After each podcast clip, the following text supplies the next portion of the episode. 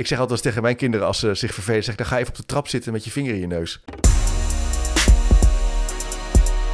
Welkom bij de maandelijkse podcast over het belangrijkste onderwijsnieuws van Nederland in de afgelopen maand. Op geheel eigen wijze nemen Chip de Jong en Peter Lone de top 10 van het nieuws met je door. In 15 minuten ben je helemaal bijgepraat over het actuele onderwijsnieuws. April is weer voorbij en we hebben toch een beetje moeten wachten op zonneschijn en warme temperaturen. Maar gelukkig was Koningsdag wel ontzettend mooi. En we weten dat jullie met spoed op zitten te wachten. Niet getreurd, Peter en ik hebben weer al het onderwijsnieuws van de maand april op een rij gezet. En we gaan het hebben over grensoverschrijdend gedrag van minister Wiersma. Hoogst aantal voortijdige schoolverlaats in 10 jaar. En een derde van de onderwijzers leest niet. Experts tegen de Kamer, die verslagen van een smartphone, die moeten klas uit. Verveling, dat hoort ook gewoon bij school schijnt. Uh, nieuwe taal in het onderwijs. Gaan we afscheid nemen van hallo jongens en meisjes. En iedereen wil naar de universiteit. Leerlingen van groep 8 maakten voor de laatste keer de centrale eindtoets. En is het tijd om de roze bril van onderwijsvernieuwing nou eindelijk eens af te zetten. En universiteiten en hogescholen zijn steeds meer op elkaar gaan lijken. Nou, een Peter. Een hele volle agenda. En hallo allemaal. Hè, dat, laten we daarmee beginnen. Ja, ja goed dat je luistert. Straks al terug, ja. Hallo allemaal. Ja, ja hallo allemaal. Peter, hoe het is het met jou? Uh, goed. Het is een, uh, een, een, mooie maand, vind ik altijd, april. Ik, ik, begin dan ja. altijd te, te, horen dat mensen zeggen, ja, de zomervakantie komt er bijna aan. Dat is een teken dat het voorjaar begonnen is, wat mij betreft. Hè. De, dat is een beetje in het onderwijs gelijk op. Hè. De krokussen komen uit de grond en de zomervakantie is in aantocht. Ja, dat is herkenbaar inderdaad. En wat mij opvalt, ik heb kwartels in de tuin, kleine vogeltjes, en die zijn allemaal weer druk eieren aan het leggen. Dus die worden ja. veel actiever. En uh, nou ja, de tuin staat in, uh, begint op te ja. komen, dus dat is wel heel leuk. Uh, ja, nou, ik heb, ik heb er zin in. We hebben veel te bespreken. ja, we gaan beginnen met het, toch wat, het onderwerp wat wel de, ma de maand heeft gedomineerd. Grensoverschrijdend gedrag van minister Dennis Wiersma. Um, ja. Was al langer bekend, begrijp ik. Het, het is een, een opgewonden standje, hè, dat, dat, dat hij probeert het zelf wat te downgraden en dat hij verbetering aantoont. Ik denk dan, ja, als dat eenmaal in de publiciteit komt, wordt het heel lastig om dat overeind te houden. Ja, um, ja. ja hij kon met deuren slaan. Hij kon uh, soms uh, collega's uh, ja. echt wel afkafferen. was al langer bekend inderdaad. Hij ging, gaat nu zijn eigen gedrag ook ja. onderzoeken. Dat was ook in, in het nieuws. Ik, wat ik bij opviel is dat heel veel collega's het ook gewoon niet oké okay vinden. Dat geldt denk ik voor ons ook. Nee. Ja, dat doe je niet. Dus dat, dat is niet oké. Okay. Uh, maar ook echt jammer vinden van... Wat jammer, wat is zo'n fijne minister. Ik zou, ik zou het valt mij ook op. Beter Onderwijs Nederland. Zeggen ja, uh, iedere manager ja. slaat wel eens met de deuren. En uh, het is de beste minister die we sinds jaren gehad hebben. ja. ja. Um, Tom Egberts is ook een hele goede journalist. Hè? En, en, um, ja. Hij kan overigens niet weggestuurd worden. Hè? Dus alleen als de Kamer een, een motie van wantrouwen indient en hij gaat daarmee akkoord, dus hij heeft geen, geen Goed punt. Uh, uh, baas die kan zeggen van nu is het klaar en uh, we sturen je weg. Hè. Rutte kan hem niet wegsturen. Nee, nee, nee, nee. Dus we moeten maar even afwachten wat er, wat er gaat gebeuren. Het is wel moeilijk natuurlijk voor hem in zo'n fase. en ja, ook voor de mensen die dat hebben meegemaakt natuurlijk wel. ja, hoe gaat dat dan verder? Ik denk dat we het in, ju- in mei en juni ja. wel gaan ja. blijven ja, horen. De pedagogische voorbeeldrol van onze minister is, staat onder druk, laten we het zo noemen. Hey, een ander nieuwspunt. Hoogste aantal voortijdige schoolverlaat in 10 jaar. Steeds meer jongeren gaan zonder diploma van school. In het studiejaar 21-22 stopten ruim 30.000 jongeren. En dat waren bijna ja. allemaal mbo'ers. En die hebben dan geen zogenoemde startkwalificatie. Er was een artikel op, op de site van de NOS. Um, dat, dat is echt een hele zorgelijke ontwikkeling, denk ik. En, en uh, ik denk ook dat daar wel een soort aantrekkende kracht zit vanuit het... Uh, arbeidstekort. Hè, dus, dus, zeker die mbo'ers die zijn natuurlijk ja. heel erg gewild op de arbeidsmarkt. Dan kun je al wel van starten, zelfs al heb je nog geen diploma. Denk ik dat dat een rol speelt. Um, um, ik denk dat het op lange termijn wel echt, echt een hele zorgelijke ontwikkeling is. Ja, zeker. En ik, uh, ook omdat ik al inmiddels toch al wel 15 jaar weet dat er altijd heel druk wordt gewerkt in het beroepsonderwijs aan het tegengaan van voortijdige ja. schooluitval. Ja. En werkt dat dan? Hè? Dus dat is eigenlijk een vraag. We zouden daar misschien een keer een aparte podcast ja. aan moeten wijden. Van wat zien we nou terug? Want blijkbaar, ja, 30.000 ja. is toch heel veel. Uh, ik vraag me wel af, soms schrijven jongeren zich uit en op een andere school weer in. Is dat dan ook uitval? Dus soms zijn die cijfers ook wat diffuus. Daar ga ik nu even niet van uit, maar... Nee, de, de, ja. de, inmiddels is dat volgens mij goed gedefinieerd, wat voortijdig schooluitval ja, is. precies. Het is een heel taai vraagstuk volgens mij, wat, wat moeilijk te be beïnvloeden ja. is. En waar heel veel factoren een rol spelen. Maar, maar wat je dus ook alleen maar kunt oplossen door die factoren goed in beeld te brengen. Laten we daar een keer een aparte aflevering aan wijden, Peter. Uh, om dat wat beter uh, ja. scherp te krijgen. Um, ander nieuwspunt. Ja, laat het even tot je doordringen. Een derde van de onderwijzers ja. leest niet. Ja, dat is misschien wel het meest schokkende nieuws dat ik deze maand gelezen heb. Ja, ja? Een artikel in, in, de NRC. Um, ik, ik, ik, ik, las dat en toen was mijn dochter, die in het basisonderwijs werkt... en die is met close reading fanatiek bezig ik liet het haar lezen, die, die was uh, geschokt. Mijn vrouw werkt in het onderwijs, die is geschokt. Um, maar, maar, maar ja, eh, blijkbaar, de statistieken volgen, um, wordt er dus ook door de leerkrachten heel weinig gelezen. In combinatie met het maar steeds achteruit gaan van het taalniveau van onze kinderen. Ja. als het omdraaien is er ook wel positief nieuws. Twee derde leest dus wel. Dus dat, is, nou, dat klinkt al een stuk beter. Maar het is zeker zo, natuurlijk een significante groep pakt geen boek op.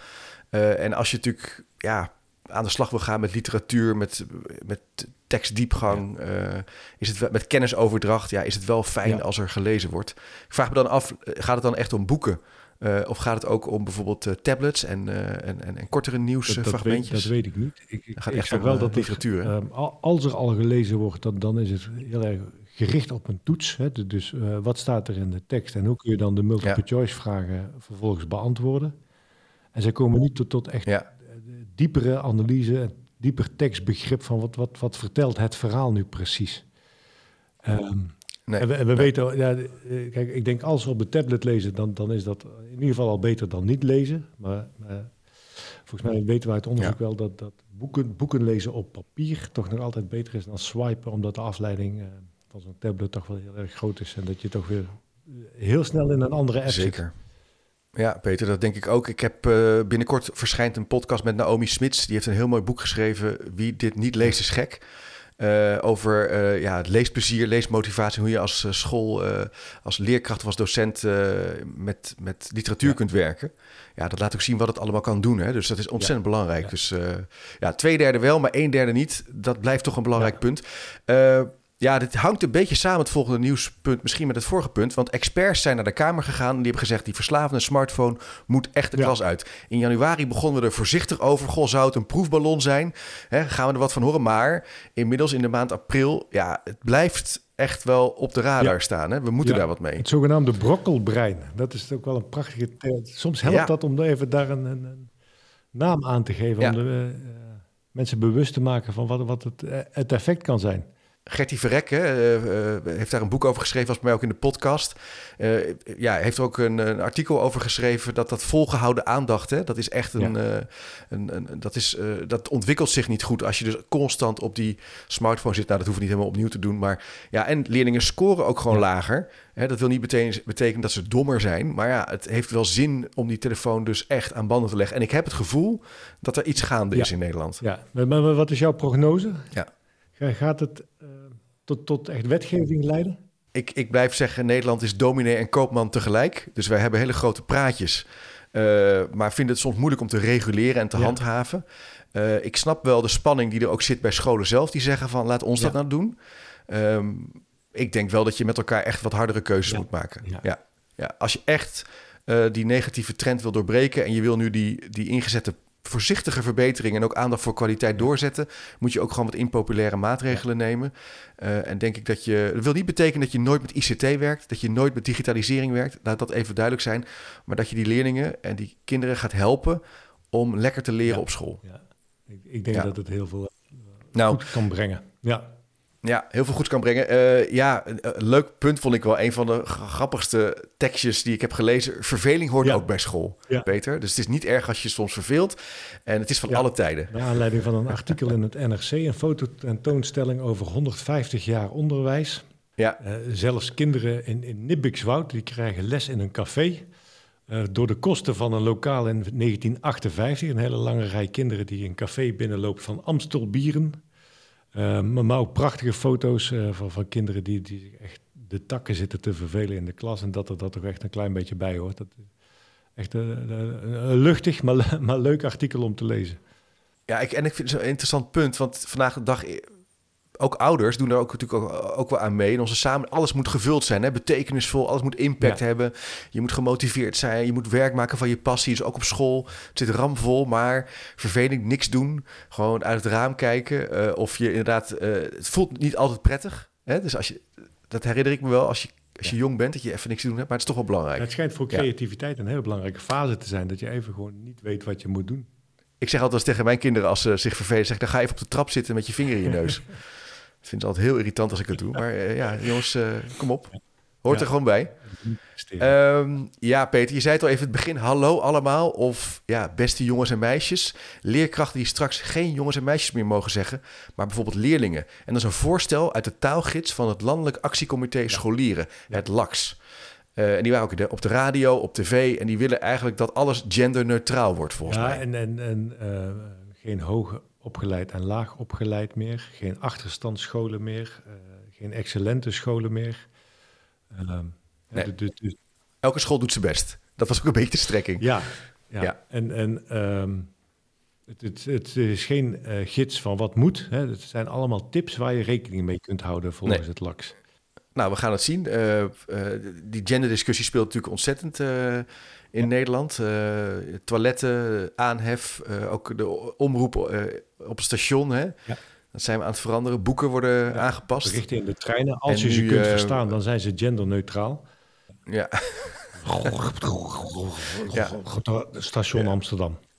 Ja. Hallo allemaal. Hallo allemaal. Ja. ja. Hallo, nee, maar, maar ja, um, ja okay, okay. aan de andere kant is ook de discussie van als het een kleine moeite is en, en um, uh, je kunt je taalgebruik aanpassen zodat iedereen zich welkom vindt. Uh, waarom niet? Hè? Want er is niks op tegen om iedereen uh, zich welkom te laten voelen. Absoluut. Ja. Mensen moeten zich er wel prettig bij voelen. Hè? Ik, ik hoorde ook uh, nou, een van mijn grote helden, uh, historicus Maarten van Rossum, die zei van als je dit soort discussies, die moet je niet aan fanatici overlaten. Als iedereen zijn best doet om het goed te kunnen doen, dan is het helemaal prima. Maar als het in de hoek van de fanatici ja. terechtkomt, dan wordt het erg. Ik denk, nou, dat vind ik eigenlijk wel een mooie tip oh, ja. erbij. Nou, het positieve is wel, denk ik, inderdaad dat er over wordt nagedacht met elkaar. Dat leerkrachten en docenten erover spreken. En, uh, en dat is eigenlijk nooit, denk ik, nooit verkeerd. Maar inderdaad toch wel blijven nadenken en ons niet te ver, snel laten meenemen door de wat extreme standpunten. Ja. Um, Peter, uh, het schijnt dat iedereen naar de universiteit wil, maar dat dat niet helemaal is wat de maatschappij ja. nodig heeft. Um, um, het lijkt me duidelijk ook met, met uh, een eerder punt wat we net noemden, dat, dat de uitstroom in het MBO al, ja. al, groot is. Als dat zo is, dat dat veel mensen uh, voor de arbeidsmarkt gewoon vraagt. ik weet nog in de tijd van, van Jan-Peter Balkenende, hè, wie kent hem nog? Moest meer dan 50% van de Nederlandse bevolking hoger opgeleid zijn. Nou, die opgaande beweging, die hebben we. Um, um, ja. Volgens mij is ook de maatschappelijke druk om zo hoog mogelijk opgeleid te zijn, hè, of theoretisch opgeleid te zijn, moet ik dan zeggen, volgens het LAX. Uh, ja, die, die is heel duidelijk aanwezig. En, en volgens mij zijn er ook heel ja. veel ouders die, die die druk op kinderen enorm leggen en uh, proberen ze zo hoog mogelijk op de ladder te krijgen. Ja, het gekke natuurlijk ook, wat daarin, terwijl je dat woord theoretisch zegt, is dat heel veel hogere opleidingen heel praktisch zijn. Ja, dus medicijnen uh, of uh, aan de hogeschool fysiotherapie uh, ja. studeren, is een vrij praktische studie. Ja. Dus hier is ook iets geks aan de, aan de gang, hoe we kijken naar, naar theorie en ja. praktijk. Maar ik, ik herken het ook wel, iedereen omhoog, iedereen verder, verder, verder. Ja, een leven lang leren heeft ook hele mooie kanten. Je kan je dus een leven lang ontwikkelen. Je werkt, je volgt nog een studie. Uh, maar we hebben natuurlijk ook gewoon uh, mensen nog die dingen kunnen maken. Uh, hè, zonnepanelen, windmolens, snelwegen die straks onder de grond doorlopen. Mooie bestrating. Kom nou ja, maar eens om. Mooie ja. bestrating, een mooie uitbouw. Ja, ja. nee zeker. Ja, dus een, um, ja. een, een, goede mix. Maar, maar goed, ook de beloning blijft toch... toch ja, dat, dat, dat, de praktisch opgeleide halen volgens mij snel in... omdat er een grote tekort is. Dus Misschien dat het schip, de wal, ook, ja. nee, de wal het schip gaat keren. Um, ja. Maar, maar in, ja. in, beloning en toekomstperspectief zit daar denk ik toch nog altijd een groot uh, verschil in, in uh, op de sociaal-economische ladder. Ja, zeker, zeker. Maar het zou misschien wel kunnen zijn straks dat je aannemer ook een master filosofie doet of zo. Dus dat dat gewoon... Uh... Ja. nou ben ik niet zo voorstander. Ja, nou, ik ben niet zo optimistisch over filosofie over het algemeen. Dus nou ja, wat, wat heb je... Nou, goed. oh. ander punt. Wat heb je daar nou aan? Ja, dat is, ja, dat is de meest kwetsbare studie die er bestaat, maar toch wel heel wezenlijk hoor. Je hebt de filosofie ander, ander gesprek. Dat, uh, ja, we zitten daar veel beter in dan ja, ik. Ja, pas op hè. Ja, ja goed. Um, hey, leerlingen in groep 8 hebben voor het laatste keer de centrale eindtoets gemaakt centrale eindtoets gemaakt. Leerlingen van groep 8 zijn vandaag begonnen aan de papieren centrale eindtoets. Het is de laatste keer dat de eindtoets op deze manier wordt afgenomen. Vanaf volgend jaar krijgen kinderen een doorstroomtoets. Toen ik dat las, dacht ik: wacht even, volgens mij is het de laatste keer dat we het zo noemen. En vanaf volgend jaar noemen we het de doorstroomtoets. Weet je dat ook? Dat was precies eh, het bericht uh, zoals ik het ook gelezen heb. Het komt ietsje vroeger in het studiejaar. Ze krijgen eerst een advies en dan in de eerste weken van februari krijgen ze de doorstroomtoets. Um, maar, maar er blijft nog steeds een advies aan, aan zitten. En ik moet eigenlijk zeggen dat ik volgens mij heel erg gelukkig ben met een onafhankelijk advies um, uit zo'n toets. Um, want wat we zien dat, dat um, de, de aanwijsprocedure zeg maar, vanuit leerkrachten en de druk die zij voelen van, van ouders en sociaal, de, de, de vooringenomenheid van een schoolsysteem, uh, dat, mm. dat blijkt toch ook heel veel uh, foutieve selecties te genereren. Dat, dat mensen vanuit lagere sociaal-economische milieus toch maar heel moeilijk uh, een hoger advies krijgen. En om dat wat onafhankelijk te meten. Ja, dus dan zeg je. Ja. Ik ben daar geen ja. tegenstander. Ik ben ook een voorbeeld daarvan. Hè, dat, dat, nee. Toen, toen ik in eerste instantie op school, op de basisschool zat, toen zeiden ze van nou, als die de LTS haalt, dan zijn we best al tevreden. En toen kwam er in één keer een heel hoog schooladvies uit. Ja. En toen zijn ze nog een keer opnieuw gaan kijken. En, en nou, uiteindelijk is het best nog redelijk okay. uitgepakt, volgens mij. Ja, zeker. Je bent nu podcast aan het maken. Zo, nou ja, dan heb je echt het zullen. Hè? Dan, dan, dan, heb je dus het betekenis Maar inderdaad, je zegt van een onaf... Ja, een onaf, hè, dus het recht op een onafhankelijke toets. En, maar de, vraag is dan wel, dan moet die toets wel meten wat hij meet. Hè? Wat meet hij dan ja. precies? Is natuurlijk, daar hebben we ook nog een hele, een hele deep dive ja. over maken. Uh, ik vind het mooi dat, dat kijk, die leerkracht die, die volgt zo'n ja. leerling natuurlijk. Uh, ja. Die heeft daar goed zicht op. Het heet in ieder geval geen eindtoets meer en doorstroomtoets. Ja, dat, dat is de, de, goede combinatie. we gaan zien wat dat. Maar, maar, dat, maar nog één vraag aan jou, Chip, wat, wat jij daarvan vindt. Want, wat, wat, in dat artikel stond ook dat er een uh, te groot accent ligt op rekenen, op taal, op, schrij op schrijven. de, zeg maar de, de, de basisvaardigheden mm -hmm. van, van de, de cognitieve mm -hmm. ontwikkeling. En ik dacht, ja. Ik zie het probleem niet precies. Volgens mij is dat best wel heel goed dat we daar heel zorgvuldig naar kijken. En, en uh, ja, er was te weinig aandacht voor creativiteit. Hoe, hoe kijk jij daarnaar? Ja, ja, ja. ja, dat is natuurlijk een heel spannend punt. Kijk, de vraag bij een toets is natuurlijk wat, wat wil je graag meten of in kaart brengen? Um, en het lijkt mij toch vrij duidelijk dat je op een basisschool in ieder geval, in het primair onderwijs, een aantal zaken te doen hebt. Dat is dat, dat je vlot en goed kunt lezen, dat je tekstbegrip hebt. Uh, dat je nou, kunt schrijven, dat je goed kunt uitdrukken en dat je bepaalde rekenvaardigheden kunt uitvoeren. Het liefst uh, een beetje vlot en soepel. Uh, maar we, we, meten en dat je ook kennis van ja. de wereld hebt. Dus dat je ook enigszins begrip hebt hoe de wereld in elkaar zit. Dat je een aantal vakken nou ja, tussen je ja. oren hebt hè, over de wereld. En dat kan je toetsen. het lijkt mij ingewikkeld om creativiteit te gaan toetsen. En dan vraag is. En want dat creativiteit is ook bijna een en het is geen generiek kenmerk. Het hangt heel erg samen met kennis. En het tweede is ook dat het misschien ook wel samenhangt met een persoonskenmerk. Dus het opent een deur naar wat voor type mens ben jij ja. dan eigenlijk? En ik zou dus, als je gaat toetsen, daar wel een beetje voor ja. oppassen. Ja, ja. Uh, dat zou dan misschien nog net iets meer kunnen uh, komen uit uh, dat, dat, advies van de leerkracht. Hè? Dat, dat je van nou, we hebben die, die, die, die ja. doorstroomtoets daar uh, brengen we de basisvaardigheden van lezen en rekenen in, in kaart en de, de aardrijkskunde, biologie. En, en aanvullend daarvan hebben we een schooladvies van de leerkracht die ook nog over wat andere facetten kijkt. Ja, en dat kan, wat precies. Het is heel duidelijk dat eh, sommige, ja. Ja, sommige kinderen zijn dan, ja, die zijn heel, uh, die, die zijn ontzettend creatief ja. bezig. Die houden van uh, kunst of creativiteit. De ander is echt ontzettend van de cijfertjes. Vindt dat leuk. Ja, dat, dat, dat is de taak van een leerkracht of een docent. Ja, ja, we gaan het volgen uh, hoe, dat, uh, hoe die doorstroomtoets er in de toekomst uh, gaat uitzien en wat voor gedachten we ja. daarbij hebben. de roze bril van onderwijsvernieuwers. Ja, daar moeten we dan maar tijd om die af te zetten. Hè? Onrust in het HBO, opleidingen nemen in hoog tempo afscheid van kleine vakjes, toetsen, herkansingen, cijfers en van de klassieke docent die lesgeeft. Dat moet eigenlijk allemaal ja. anders. En op het AOB.nl stond van ja, is het nou eigenlijk wel, is dat eigenlijk wel een goed idee? Hè? Dat was een beetje de. Ja, ja dat, dat is natuurlijk voor mij een kwetsbaar punt. Um, en, en, ik ben ja. erg geneigd om daar um, heel erg in de spiegel te kijken en te zeggen: Oké, ehm, ik ben het lang niet met alles eens wat, wat de AOB daarover zegt. En het is. Som, het was overigens een heel genuanceerd artikel, denk ik. ik zag ook de reactie ehm, vanuit de Hogeschool Rotterdam dat ze zeggen van nou, de, ja, die opleiding informatica die wordt genoemd, maar die presteert hartstikke goed en studenten zijn heel tevreden. Um, het stoonsonderwijs van de Hogeschool van Amsterdam, wat ook in het artikel genoemd, wordt, uh, die ken ik toevallig. Daar, daar uh, ben ik ook bij, nou, heel zijdelings een klein beetje bij betrokken. Ik, ik snap de onrust die benoemd wordt. Ja. Um, maar ik, nou, wat mij betreft kunnen onderwijsvernieuwers niet uh, voorzichtig genoeg, en ik ben er één van, hè, dus ik, ik, als, als onderwijsadviseur help ik ook natuurlijk ook uh, opleidingen mee, dus ik voel me daardoor aangesproken. Ja. En ik denk inderdaad dat, dat uh, die, die prachtige ideologieën en vergezichten en, en ieder drie jaar een nieuw concept volgen, dat, dat is volgens mij heel slecht. En ik denk dat het terecht is dat de AOB Tenminste, ik, ik, zo heb ik het gelezen. Ook zegt van, hey, beste onderwijsvernieuwers, kijk ja. eens kritisch naar wat je nou aan het adviseren bent. En uh, sluit dat nog aan bij de wetenschap.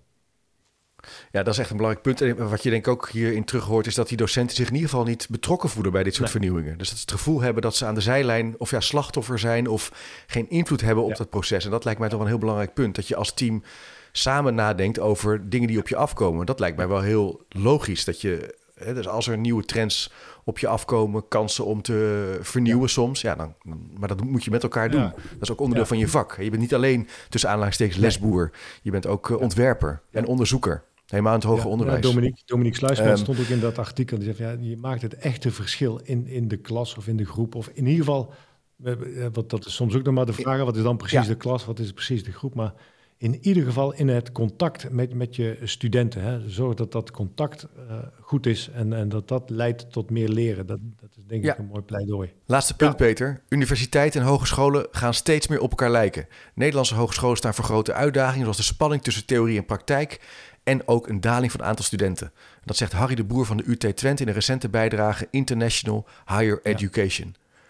Dus het lijkt een beetje op elkaar. Ja, dat is eigenlijk wat we het net ook over hadden. Hè? Dit praktijk en theorie. En wat is nou eigenlijk veel hogescholen noemen zich ook hè? University of Applied Sciences. Ja. En, en een, dus een groot aantal universitaire studie worden, studies worden steeds praktischer. Die gaan ook stage lopen. En, en, dus, dus die krijgen ja. toch iets meer die HBO-context.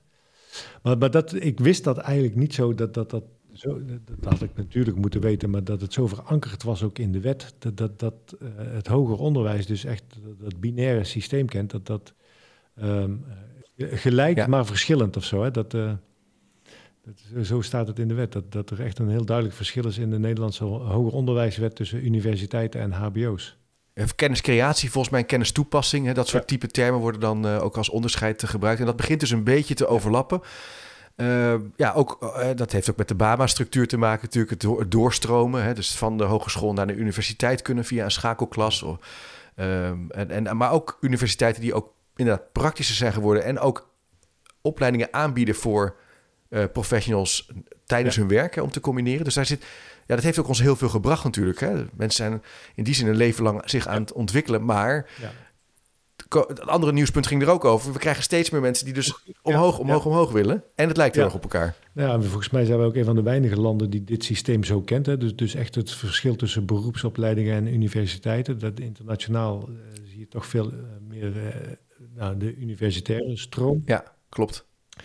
Um, en, en ik vind, maar daar moeten we misschien ook nog eens een andere podcast aan, aan wijden. De hele wildgroei aan pre-masters. En dat ik af en toe hoor dat mensen twee jaar lang een pre-master moeten volgen, terwijl ze al een bachelor hebben, eh, die er nog best wel heel erg op lijkt. En dan, volgens mij was dat niet de ja. insteek van het BAMA-structuur, maar bachelor-master-structuur. Goed, dat was niet in het nieuws, nee, dus daar hoeven we nee. het in de nieuwspodcast van april in ieder geval niet over te hebben met elkaar.